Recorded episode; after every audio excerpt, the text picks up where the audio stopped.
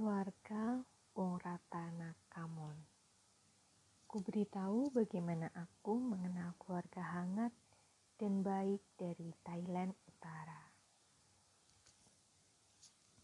Namanya Paul. Itu nama yang aku kenal. Dia menyebut Paul sebagai nama internasional. Tetapi di negaranya dia dipanggil Pop. Lalu aku tergantung mana yang terlintas di pikiranku. Kadang memanggilnya Pop, kadang memanggilnya Paul. Di Thailand, orang-orang memiliki nama panggilan atau nickname. Biasanya satu suku kata saja, seperti Pop. Keponakan Pop yang bernama Palm Kemudian ada juga Tom, Nong, Tum, Sri, dan sebagainya. Nama asli mereka sangat jauh lebih panjang. Pop atau Paul adalah salah satu keberuntunganku. Aku tinggal cukup lama untuk ukuran traveler. Di tempat kelahirannya di Chiang Mai, serta di apartemennya di Bangkok. Pop adalah teman kebetulanku, dan aku beruntung mengenalnya. Ya, teman kebetulan. Kebetulan yang selalu banyak dipakai di film-film kacangan. Aku bergabung dalam sebuah organisasi traveler dunia, dan aku bertemu Pop di sana. Dia satu dari dua orang yang mengiyakan permintaanku untuk menumpang tinggal di tempatnya. Satu orang lagi yang sudah menyetujui tidak muncul saat aku tiba di negara itu. Kali pertama bertemu adalah di Chiang Mai International Airport. Tingginya hampir 180 cm dengan kulit terang khas orang Thailand, tapi terlihat sangat terawat. Rambut sebagian di highlight, backpack di pundak, dengan gaya berpakaian yang sangat trendy. Baunya bukan bau matahari yang seperti melekat di tubuhku. Gampang sekali menemukannya meskipun dia jauh menyendiri di bagian belakang para penjemput penumpang pesawat yang baru saja tiba di airport. Dia bahkan akan terlihat menonjol meskipun semua orang di airport ini dikumpulkan di satu ruangan bersamanya. Saat aku mengedarkan pandang mencari sosok penjemputku, dengan mudah aku tahu dia adalah penjemputku. Satu kali lambaian tangan, sebelum kemudian dia lebih banyak menunduk. Sikapnya seperti tidak santai. Belum juga aku bersalaman dengannya, karena itu kali pertama bertemu. Dia sudah membalikan badan memberi isyarat agar aku mengikutinya. Suaranya rendah, bahkan kadang aku tidak terlalu menangkap apa yang dikatakannya.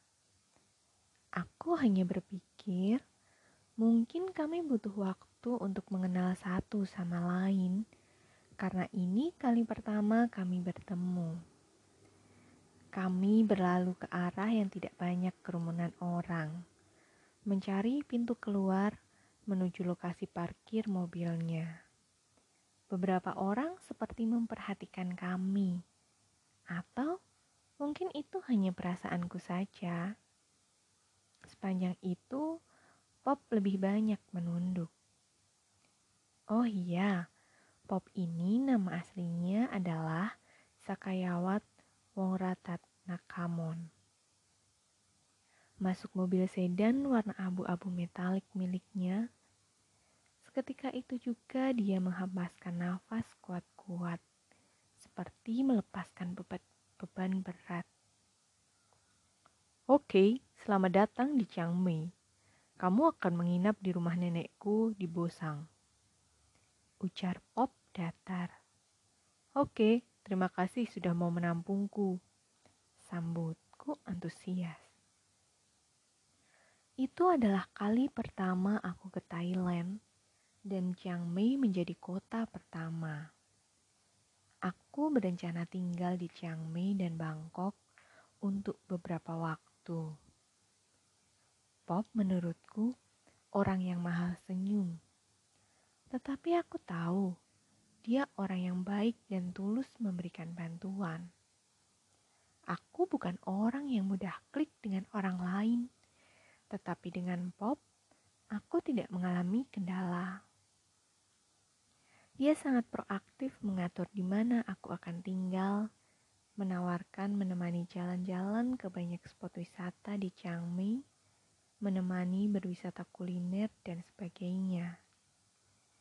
Dia melakukan itu tanpa harus banyak senyum. Di awal, aku memang seperti main tebak-tebakan bila melihat sikap diamnya. Tetapi, lama-kelamaan, aku mulai memahami karakternya. Aku tinggal di salah satu kamar di rumah neneknya Pop Nenek Sri. Rumah Nenek Sri cukup besar dan ternyata semacam indekos yang bagus. Beberapa penghuninya adalah bule dengan masa tinggal cukup lama. Rumah berlantai dua bercat krem semu coklat gading dengan satu bagian kamar induk di bawah. Lantai satu dan dua berjajar kamar-kamar cukup luas dengan kamar mandi dalam. Tiga hari di sana adalah gratis, termasuk makanan yang dimasak oleh sang nenek yang baik hati. Hanya mencuci saja yang bayar, karena menggunakan mesin cuci dengan koin yang biasa dipakai penghuni indekos terletak di bagian tengah, samping rumah induk. Hampir setiap traveling, aku tidak pernah mencuci pakaian dan membawa baju kotor pulang ke rumah. Melihat mesin cuci berkoin, mataku berbinar-binar. Aku menikmati saat-saat mencuci ini. Memasukkan koin seperti saat aku bermain mesin dingdong, mesin mainan saat aku kecil. Terdapat satu bungalow kecil di pekarangan tempat beberapa penghuni sering berinteraksi. Beberapa hari setelah tinggal di sana, aku menyebutnya Bungalow Persatuan Bangsa-Bangsa. Karena biasanya tempat itu digunakan untuk ngobrol dan berdiskusi beberapa orang penghuni yang berbeda kewarganegaraan. Itu adalah sebuah kawasan pinggiran Chiang Mai yang cukup lengang banyak warga negara asing yang tinggal dalam jangka waktu lama di wilayah ini. Seperti Jerman tua yang tinggal di lantai bawah rumah nenek Sri yang selalu ramah menyapaku. Itu sebuah kawasan yang nyaman, bahkan tidak ada bus kota di Chiang Mai, meski ini adalah kota terbesar kedua di Thailand. Yang ada hanya semacam angkot yang biasa disebut road daeng. Tanpa bus kota, sudah cukup membuat lengang kota yang juga ibu kota provinsi dengan nama sama ini. Dulu, kami punya bus kota, tetapi sering ada masalah dengan road daeng. Tutur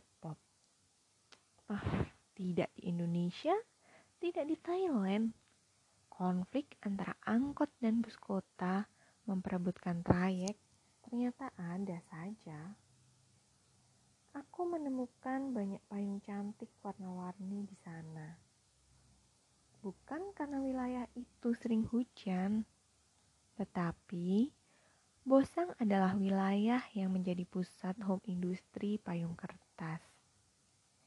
Aku menghirup bau halaman rumah Chang Mei menawarkan rasa rindu pada kampungku.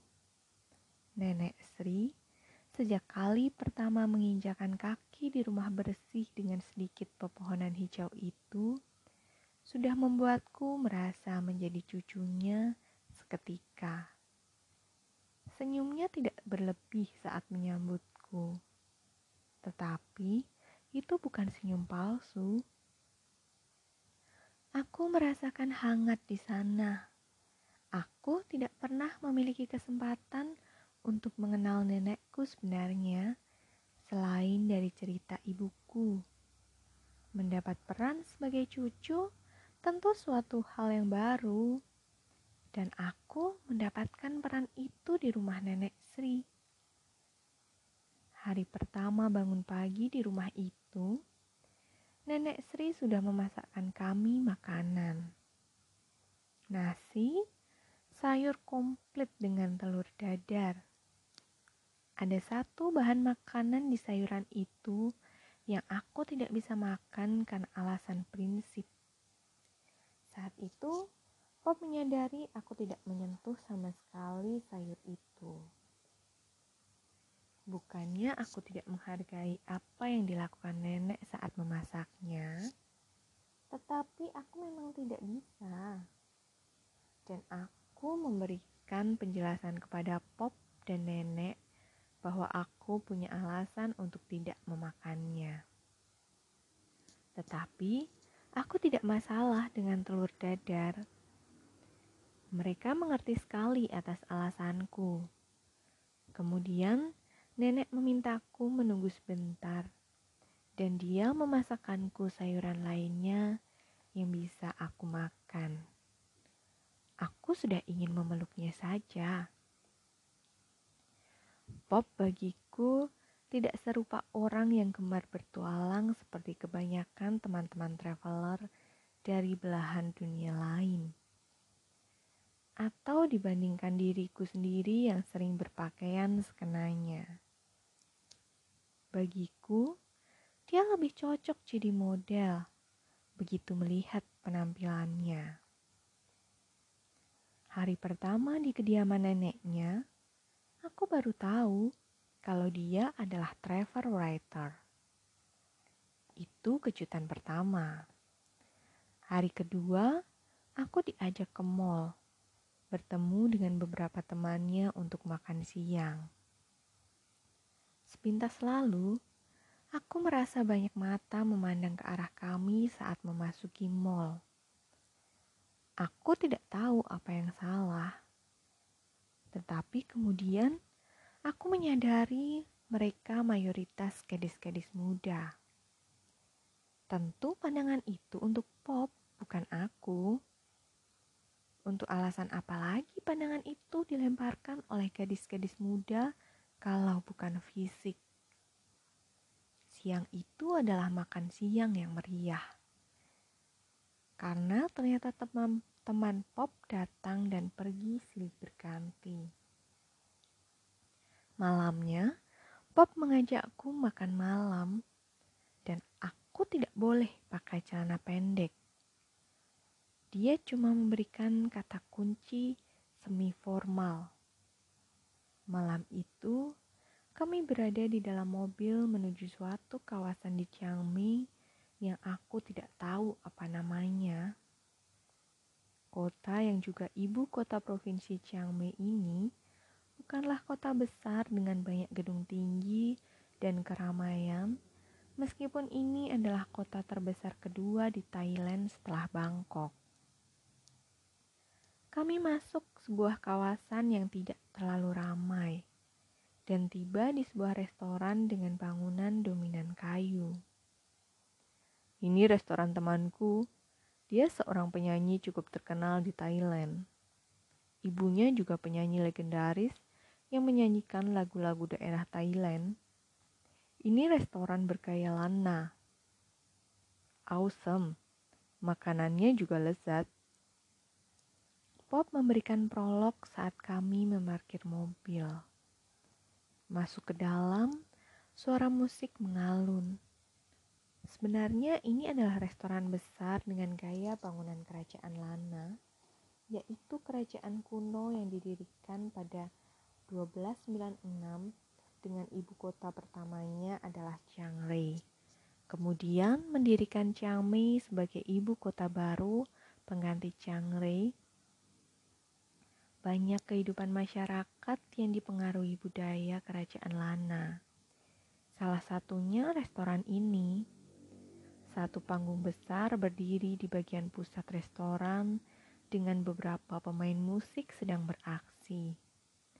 Perpaduan antara instrumen musik modern dan tradisional.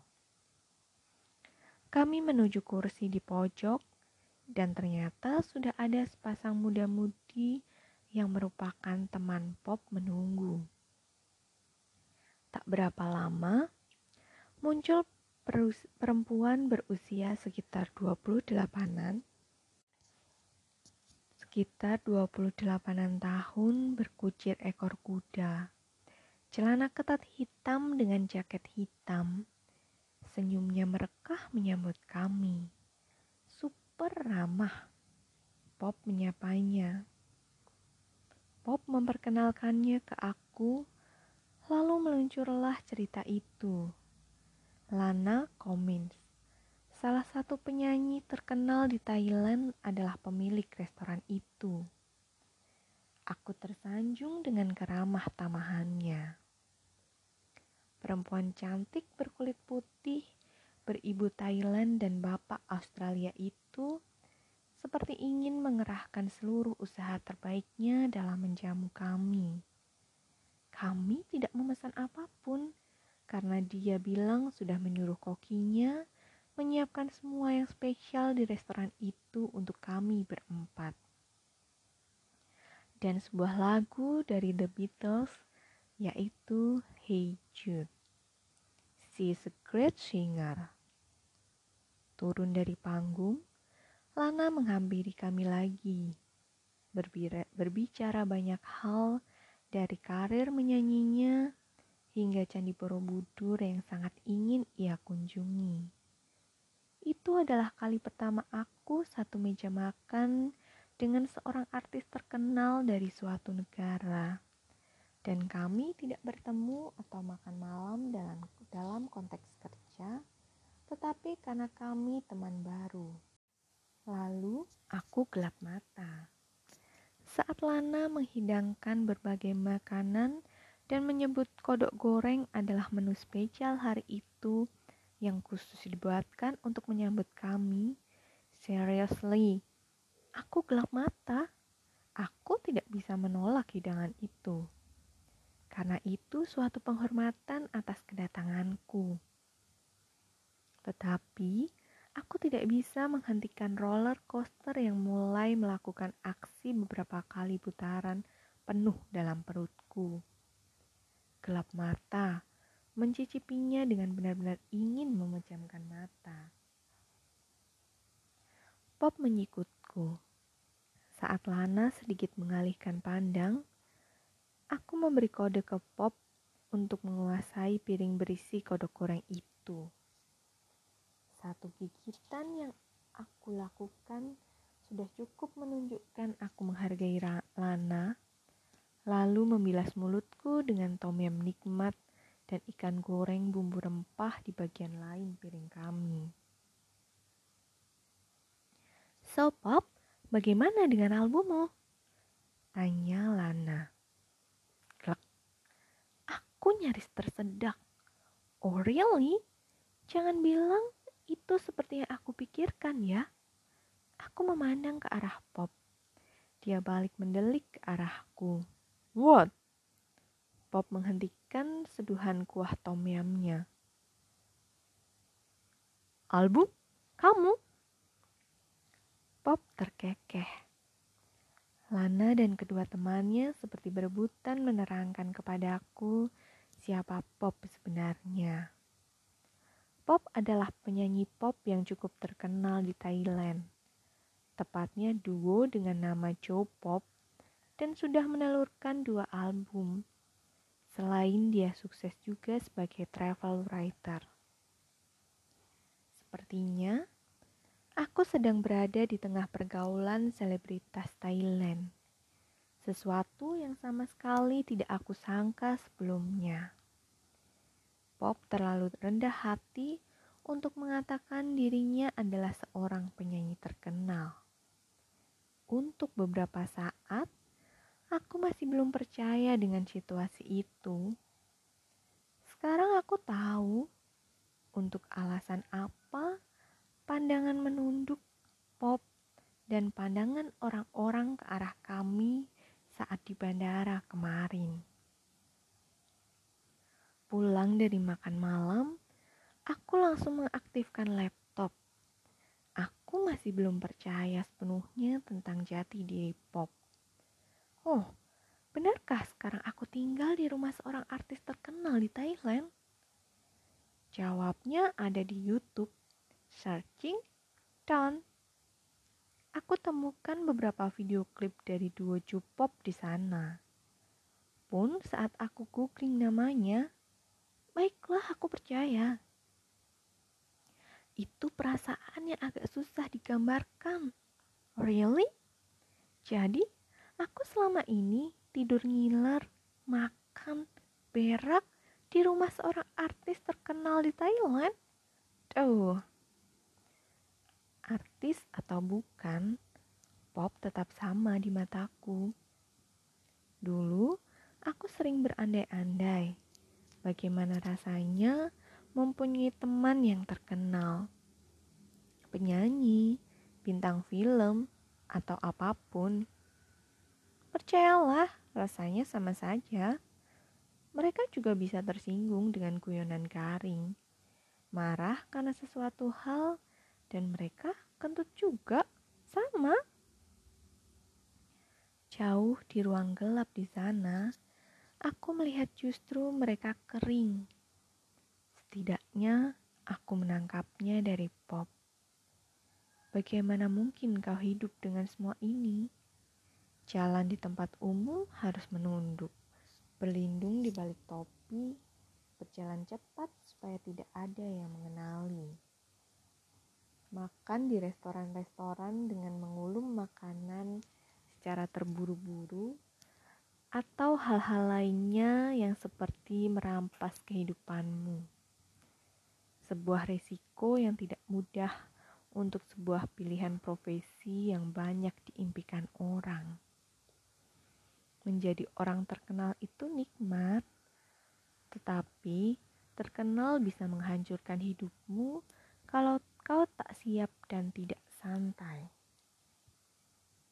Somehow, aku berpikir, Pop bergabung dengan situs web traveler dunia ini untuk satu alasan, bertemu dengan orang yang tidak mengenalnya sebagai artis.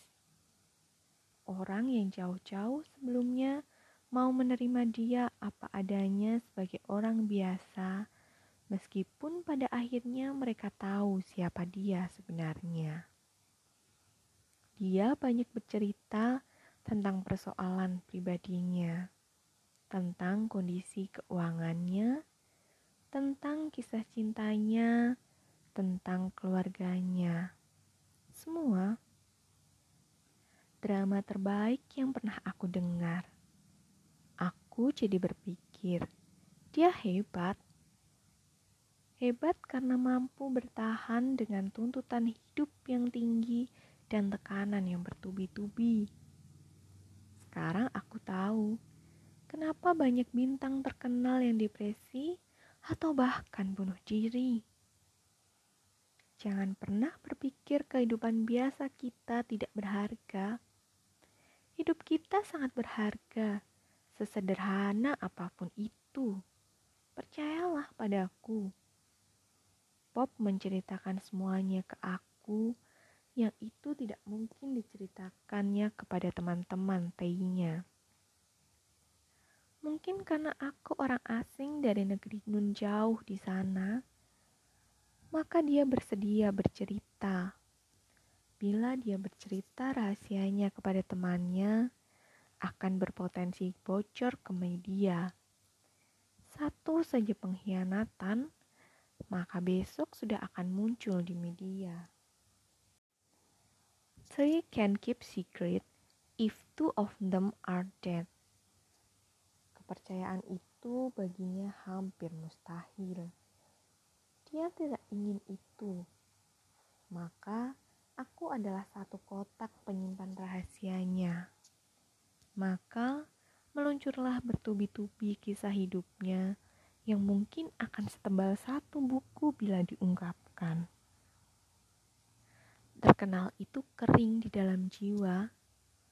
Cawan penampung keresahannya yang tidak terkoneksi dengan media sepertinya sebuah kemustahilan.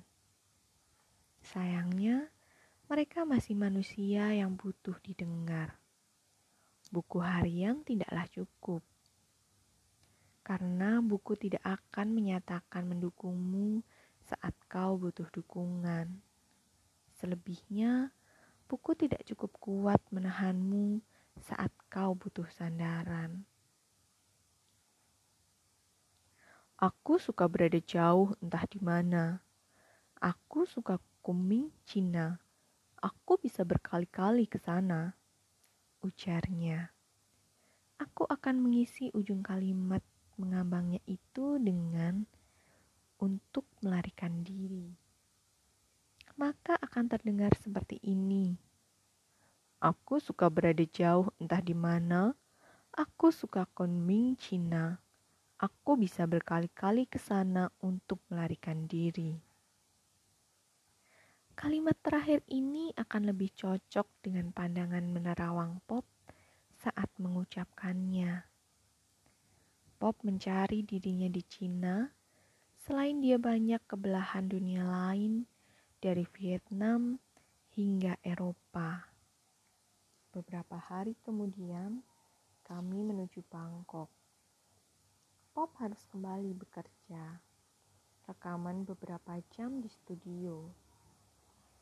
Sebagai mahasiswa, dia lebih banyak bekerja daripada kuliah menurutku. Dalam tiga hari, aku akan tinggal di apartemennya di Bangkok. Sebuah apartemen yang cukup mewah untuk ukuran mahasiswa seperti dia. Tetapi tidak cukup mewah untuk ukuran artis. Mungkin butuh lebih dari 10 cubitan untuk membuatku percaya bahwa aku benar-benar tinggal di apartemen seorang penyanyi terkenal di Thailand. Lagi-lagi saat aneh, saat pop harus sering menunduk saat mengantarkanku jalan-jalan di pusat-pusat keramaian di Pong, Bangkok. Aku harus terbiasa dengan teriakan pop dari orang-orang sekitar. Atau Pop menarik tanganku untuk berhenti sejenak menghindari kerumunan orang. Atau tiba-tiba beberapa anak sekolah yang masih berseragam mengerubunginya hanya sekedar minta foto bareng atau tanda tangan. Orang sering bertanya, bagaimana rasanya menjadi orang terkenal. Dan sekarang aku tahu rasanya. Meski itu disadari sebagai sebuah konsekuensi dari ketenaran, tetap Pop sering merasa dia ingin melarikan diri dari semua itu. That's why I love to travel. Itu jalan keluarku untuk beberapa saat. Melarikan diri untuk beberapa saat dari dunia gemerlap sekedar mencari tenang, melarikan diri. Bagi Pop, traveling adalah pelarian diri yang sempurna. Tidakkah kau sadari, dunia ini menawarkan banyak tempat untuk bersembunyi. Lalu, kenapa kau masih saja memilih toilet bau sebagai tempat pelarianmu? Ujarnya.